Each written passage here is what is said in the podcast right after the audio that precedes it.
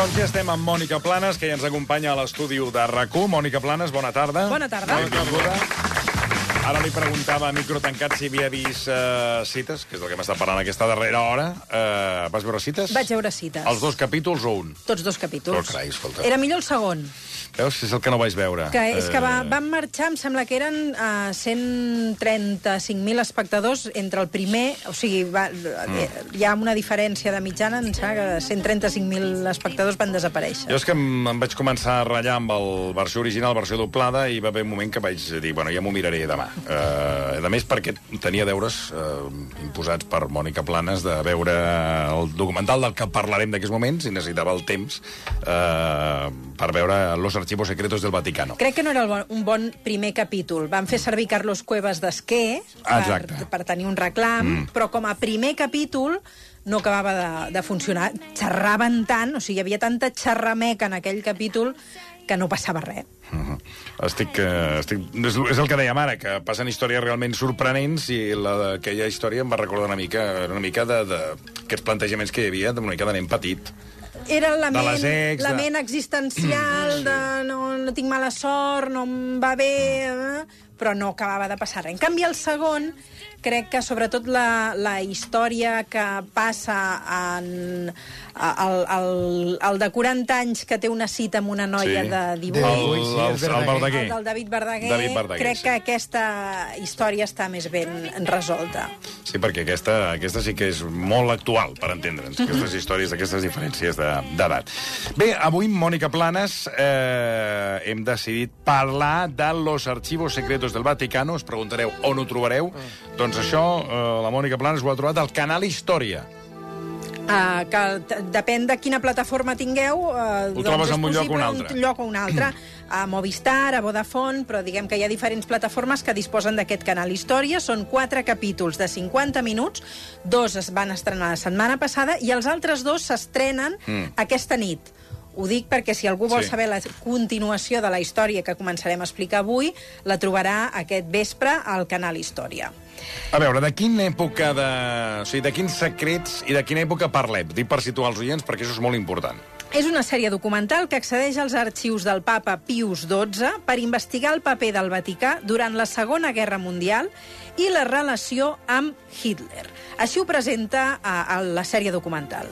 Dos adversarios envueltos en una lucha clandestina, el bien y el mal. ¿Qué sabemos realmente de la relación entre el Papa Pío XII y Hitler? Según este primer documento, se diría que los dos eran enemigos. Hitler le dijo explícitamente a Francisco Franco, el dictador español, que Pío XII era su enemigo personal. ¿Y por qué Pío XII no le denunció? ¿Por qué se llama al Papa Pacelli el Papa del Silencio? ¿Podría un pronunciamiento oficial contra Hitler haber cambiado la historia?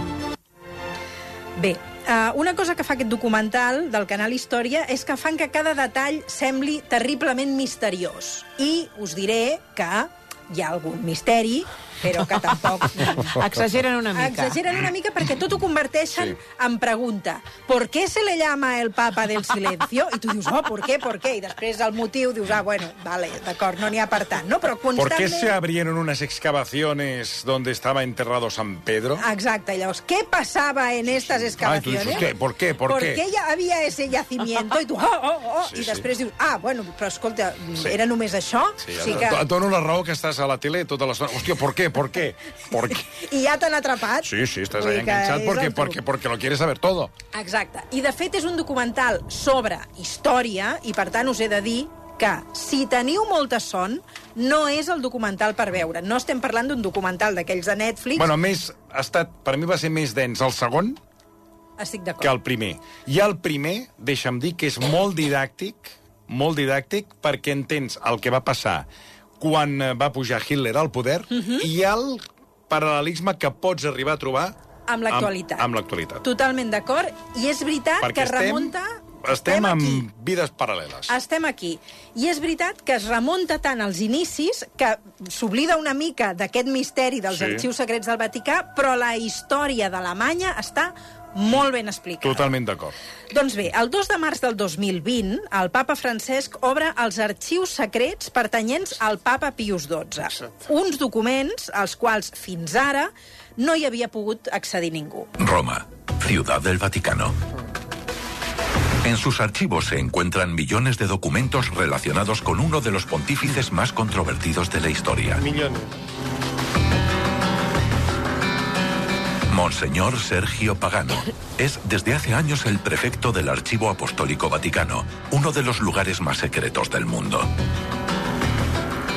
Estamos en el búnker subterráneo construido por Pablo VI. Contiene un archivo muy grande y rico porque refleja el gobierno de todas las diócesis del mundo. Del mundo. Es el archivo privado del Papa. Los informes privados de Pío XII se han guardado en secreto durante muchas décadas. Hemos trabajado durante al menos 12 años para preparar esta apertura, porque teníamos que clasificarlo todo, inventariarlo todo, ver todos los documentos uno por uno. Soy Joan X. Soy el director del archivo histórico del secretario de Estado.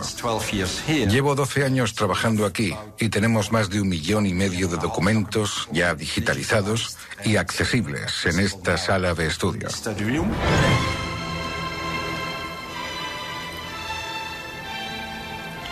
Bé, uh, tots els uh, historiadors que han accedit en aquest Que, arxiu perdona, secret... que les imatges jo no les havia vist mai i l'arxiu és... és Espectacular. És d'unes dimensions que dius, aquí hi ha una de merda... Sí. Bé, home, què dius? Però Home. està net, eh? Escolta, que ens pegues, pots passar-hi la no, no, llengua, eh? el- l'arxiu està netíssim. Està impecable, Ara, però hi ha la- molt, molt volum. Em refereixo que hi ha una de merda guardada Ah, de del, ser- del Vaticà i de les coses que han passat a l'Església que et fots les mans al cap de la de documents i documents i arxius i documents. Quilòmetres de carpetes. Quilòmetres de... És a dir, que dius, aquí, repeteixo, hi ha una de... Sí, de merda, de, Sí, sí. perquè al final són documents que hi ha tot de tota mena, però la part fosca també està inventariada, eh? Sí, sí, sí, sí. I a més la feina que ha implicat 12 anys posar un mínim d'ordre a tots aquests papers.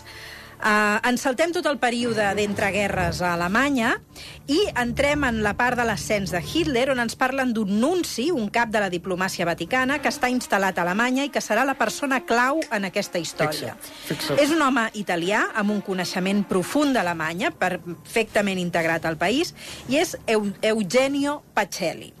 Ell comença a veure el creixement del nazisme a Alemanya i escriu al, papes, al papa, aleshores Pius XI, alertant-lo d'aquesta situació. Més tard, Pacelli es convertirà en secretari d'Estat del Vaticà, és a dir, la mà dreta del papa Pius XI, i es produeix l'ascens al poder de Hitler. Cal un relleu pel papa Pius XI quan es mori. Qui el succeeix? Doncs Eugenio Pacelli, que agafa el nom de Pius XII.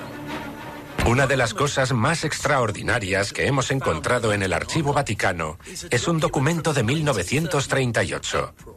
En abril, Mussolini, el dictador italiano, escribe al Papa Pío XI pidiéndole que excomulgue nada menos que a Adolf Hitler.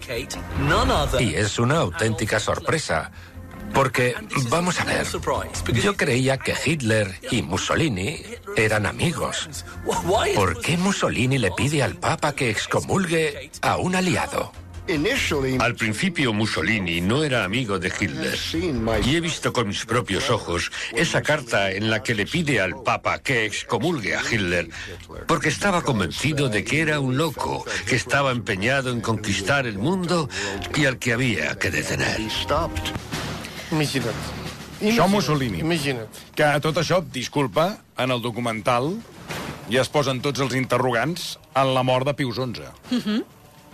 Per variar, mm, no es va aclarir com va morir Pius XI perquè el dia- l'endemà havia de fer... No sé si m'estic Sí, avançant. sí, eh, t'estàs per- avançant. val, Ara ja, ja hi arribarem. No, no, ho dic perquè, Calla, clar, eh? no Calla, és... calla, que no va- no és calla. el, Dic que no és el primer ni el, Calla. ni el segon papa No. que mor d'una manera... circumstàncies amb una, amb estranyes. una mica de misteri al Sí. voltant. Bueno, ja Ah, passa. Hem de dir, de totes maneres, que als historiadors els hi fa bastanta gràcia aquesta carta de, de Mussolini Home, demanant sí.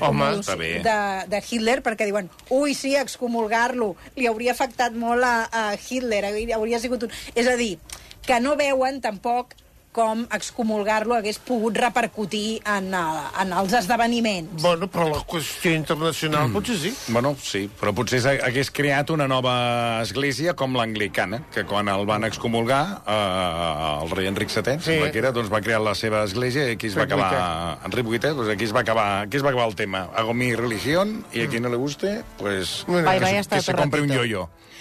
El primer que fa Pius... Jo, jo, precisament. Per cert, no, eh, és que per anar de pressa eh, he eliminat lo de la mort sospitosa de... No, home, no. No, tira, Home. tira. Ah, no, no, no espera, cal que que corris, no corris. No, no d'acord, corris que no ve d'acord. d'una Home, hora. perdona, és que eh, clar, és no que sempre d'una el mateix. És un papa, el Pius sí, sí, sí. XI, No, no, no, anem bé, anem bé. important, A veure, Sí, sí, sí, sí, home, sí. i resulta que està a punt de fer un pas important que s'excomunicava i va i, i llepa. Però abans introduiré un fet Vale. que no sé si històric que no sé si sabíeu. I és que amb eh, l'apogeu de l'antisemitisme a Alemanya, en el capítol 2 d'aquest documental es revelen documents que demostren, per exemple, els, que els plans per aniquilar els jueus de Hitler inicialment implicava deportar-los a l'illa de Madagascar. Hitler decide deshacerse de los judíos para siempre. Su primera idea es una isla, Madagascar. Durante el ataque a Francia a principios de junio, cuando parecía que los alemanes iban a ganar, a un hombre llamado Franz Rademacher, que estaba en el Ministerio de Exteriores alemán, se le ocurrió un plan para resolver la cuestión judía. Y encontró una especie de solución, que los alemanes llevaran a todos los judíos de Alemania y probablemente de toda Europa a Madagascar. En què consistia aquest pla? Es una isla que se le ha quitado al control francés. Y existe el plan, el terrible plan, de deportar a cuatro millones de personas en solo cuatro años. Cuando llegaran a Madagascar, se les iba a dejar allí a su suerte y finalmente morirían de manera natural. Este plan se le presentó a Hitler y le gustó bastante.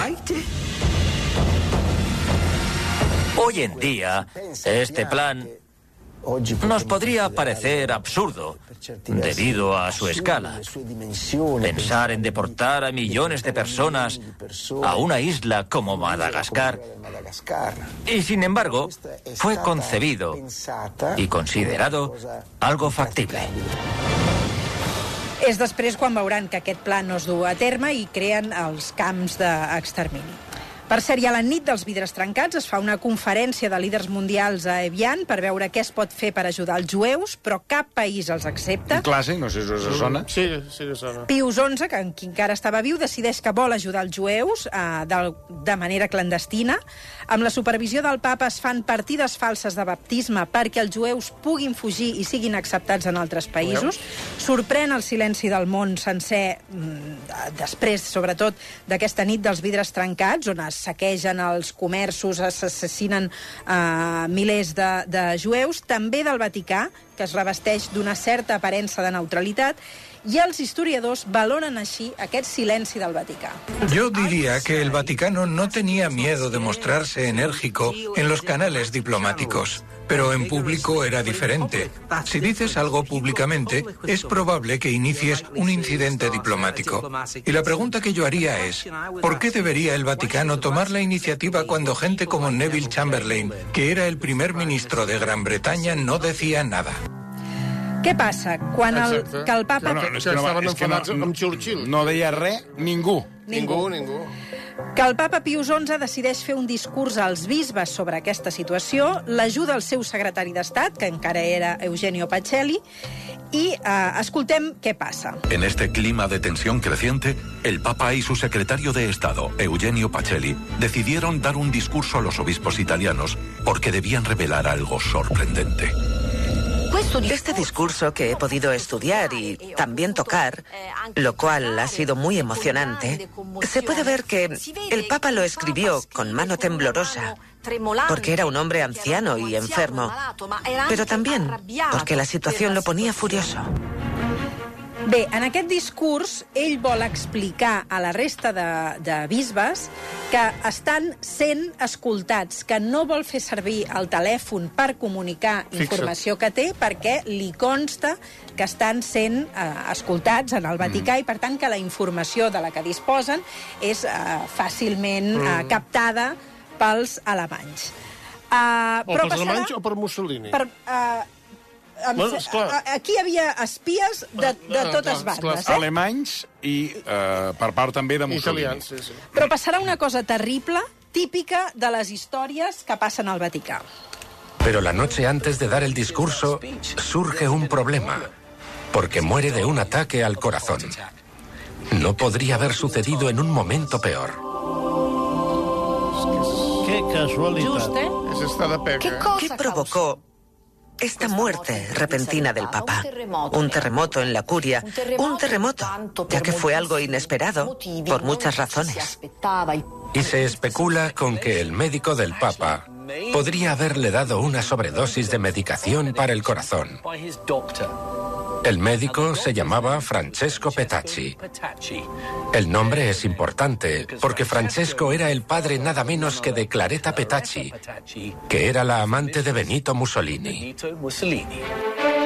El metge es deia Petacci i el papa va petar. Sí.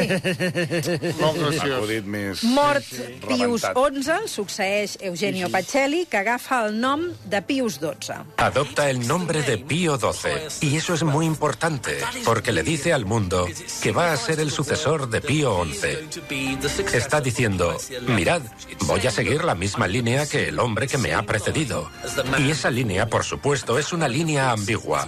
Hay gente que cree que está en contra de Hitler, otros creen que está a favor de Hitler y otros creen que es neutral. ¿Cuál era la única manera de actuar? La clandestinidad. Porque si el mismo mensaje hubiera sido transmitido no en un discurso estridente y colectivo, sino con susurros a la gente de confianza, transmitido de un modo discreto y secreto, el mensaje habría tenido éxito. La historia ha demostrado que el único modo de alcanzar algún éxito es desde la clandestinidad. Es decir, solo puedes obtener un resultado actuando donde no brilla el sol. El primer que fa Pius XII és complir l'última voluntat de Pius XI i és que vol ser enterrat al costat de uh, Sant Pere, el fundador de l'Església, al subsol de la Basílica. Sant Pere uh, era, per tant, un dels, apons, un dels apòstols i mai ningú havia explorat què hi havia sota la Basílica de Sant Pere. Comencen a fer forat, retiren el terra de marbre per fer espai al sarcòfag de Pius XI i què es troben allà sota? Lo que surge es toda una necrópolis con los muros, los restos. Los estudiosos presionaban. Todo el mundo quería entrar a ver esta maravillosa necrópolis oculta, enterrada bajo la basílica. Pío XII hizo que cerraran la zona de excavación con un cordón de seguridad inviolable para que nadie, ni siquiera los miembros de la curia de más alto rango, pudieran acceder. El Papa ordenó un secreto absoluto en torno a estas excavaciones. Pero, ¿por qué? ¿Por qué tenían que ser secretas? ¿Qué le preocupaba al Papa que descubriera la gente? Allò que dèiem de les preguntes. Clar. Preguntes una pregunta Però real. aquesta genera interès, eh? Llavors, clar, Sí. dius, Que hi ha allà? Que hi ha. Uh, és el jaciment arqueològic més important de la cristiandat. Això es pot XII. visitar, ara, això es pot Ah, visi- Sí, això sí, es sí, pot sí, es pot, visitar. visit, es pot visitar. Pius XII, curiosament, encarrega a una única persona els treballs arqueològics. I qui és aquesta persona? És un alemany, inexpert absolutament en arqueologia, íntim, íntim amic seu, Ludwig Kass. Qui era Ludwig Kass? Un sacerdot de la Renània, antinazi, un home que va dir la creu gamada passarà, però la creu de Crist romandrà per sempre. I Ludwig Kass autoritza a una única persona poder accedir a aquell jaciment, que és Joseph Müller, un advocat de Baviera i el màxim exponent de la resistència al règim de Hitler. Quin paper té Müller? És l'enllaç de la resistència alemanya amb el Vaticà. Viatjava a Roma secretament i esdevé una mena de diplomàtic civil, un espia, en certa manera. Per tant, ens trobem que sota l'aparença de neutralitat del Vaticà, en realitat, secretament, i tal i com avalen els documents d'aquest arxiu secret, el Vaticà es converteix en un canal clandestí per fer circular la informació. De què serveix? És a dir, el papa és un aval de quina manera la resistència alemanya hagués pogut parlar amb el, amb el govern britànic. Doncs amb l'aval de Pius XII, que és qui fa d'enllaç. Els documents trobats en els arxius, per exemple, demostren com la resistència descobreix que Alemanya atacarà Bèlgica i Luxemburg i ho comuniquen a través del Vaticà al govern belga. Però a la vegada el Vaticà és conscient que a Roma i al Vaticà hi ha tota una xarxa d'observadors i espies que passen informació a Hitler. De fet, hi ha una part del clergat que és favorable al règim de Hitler, i aquí el papa no expulsa ningú.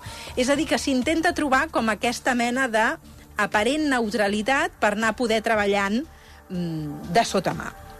Malgrat tot, i tal com ja era la intenció de Pius XI, al llarg de la Segona Guerra Mundial, en els arxius secrets s'han descobert milers de cartes de petició d'ajuda al papa Pius XII.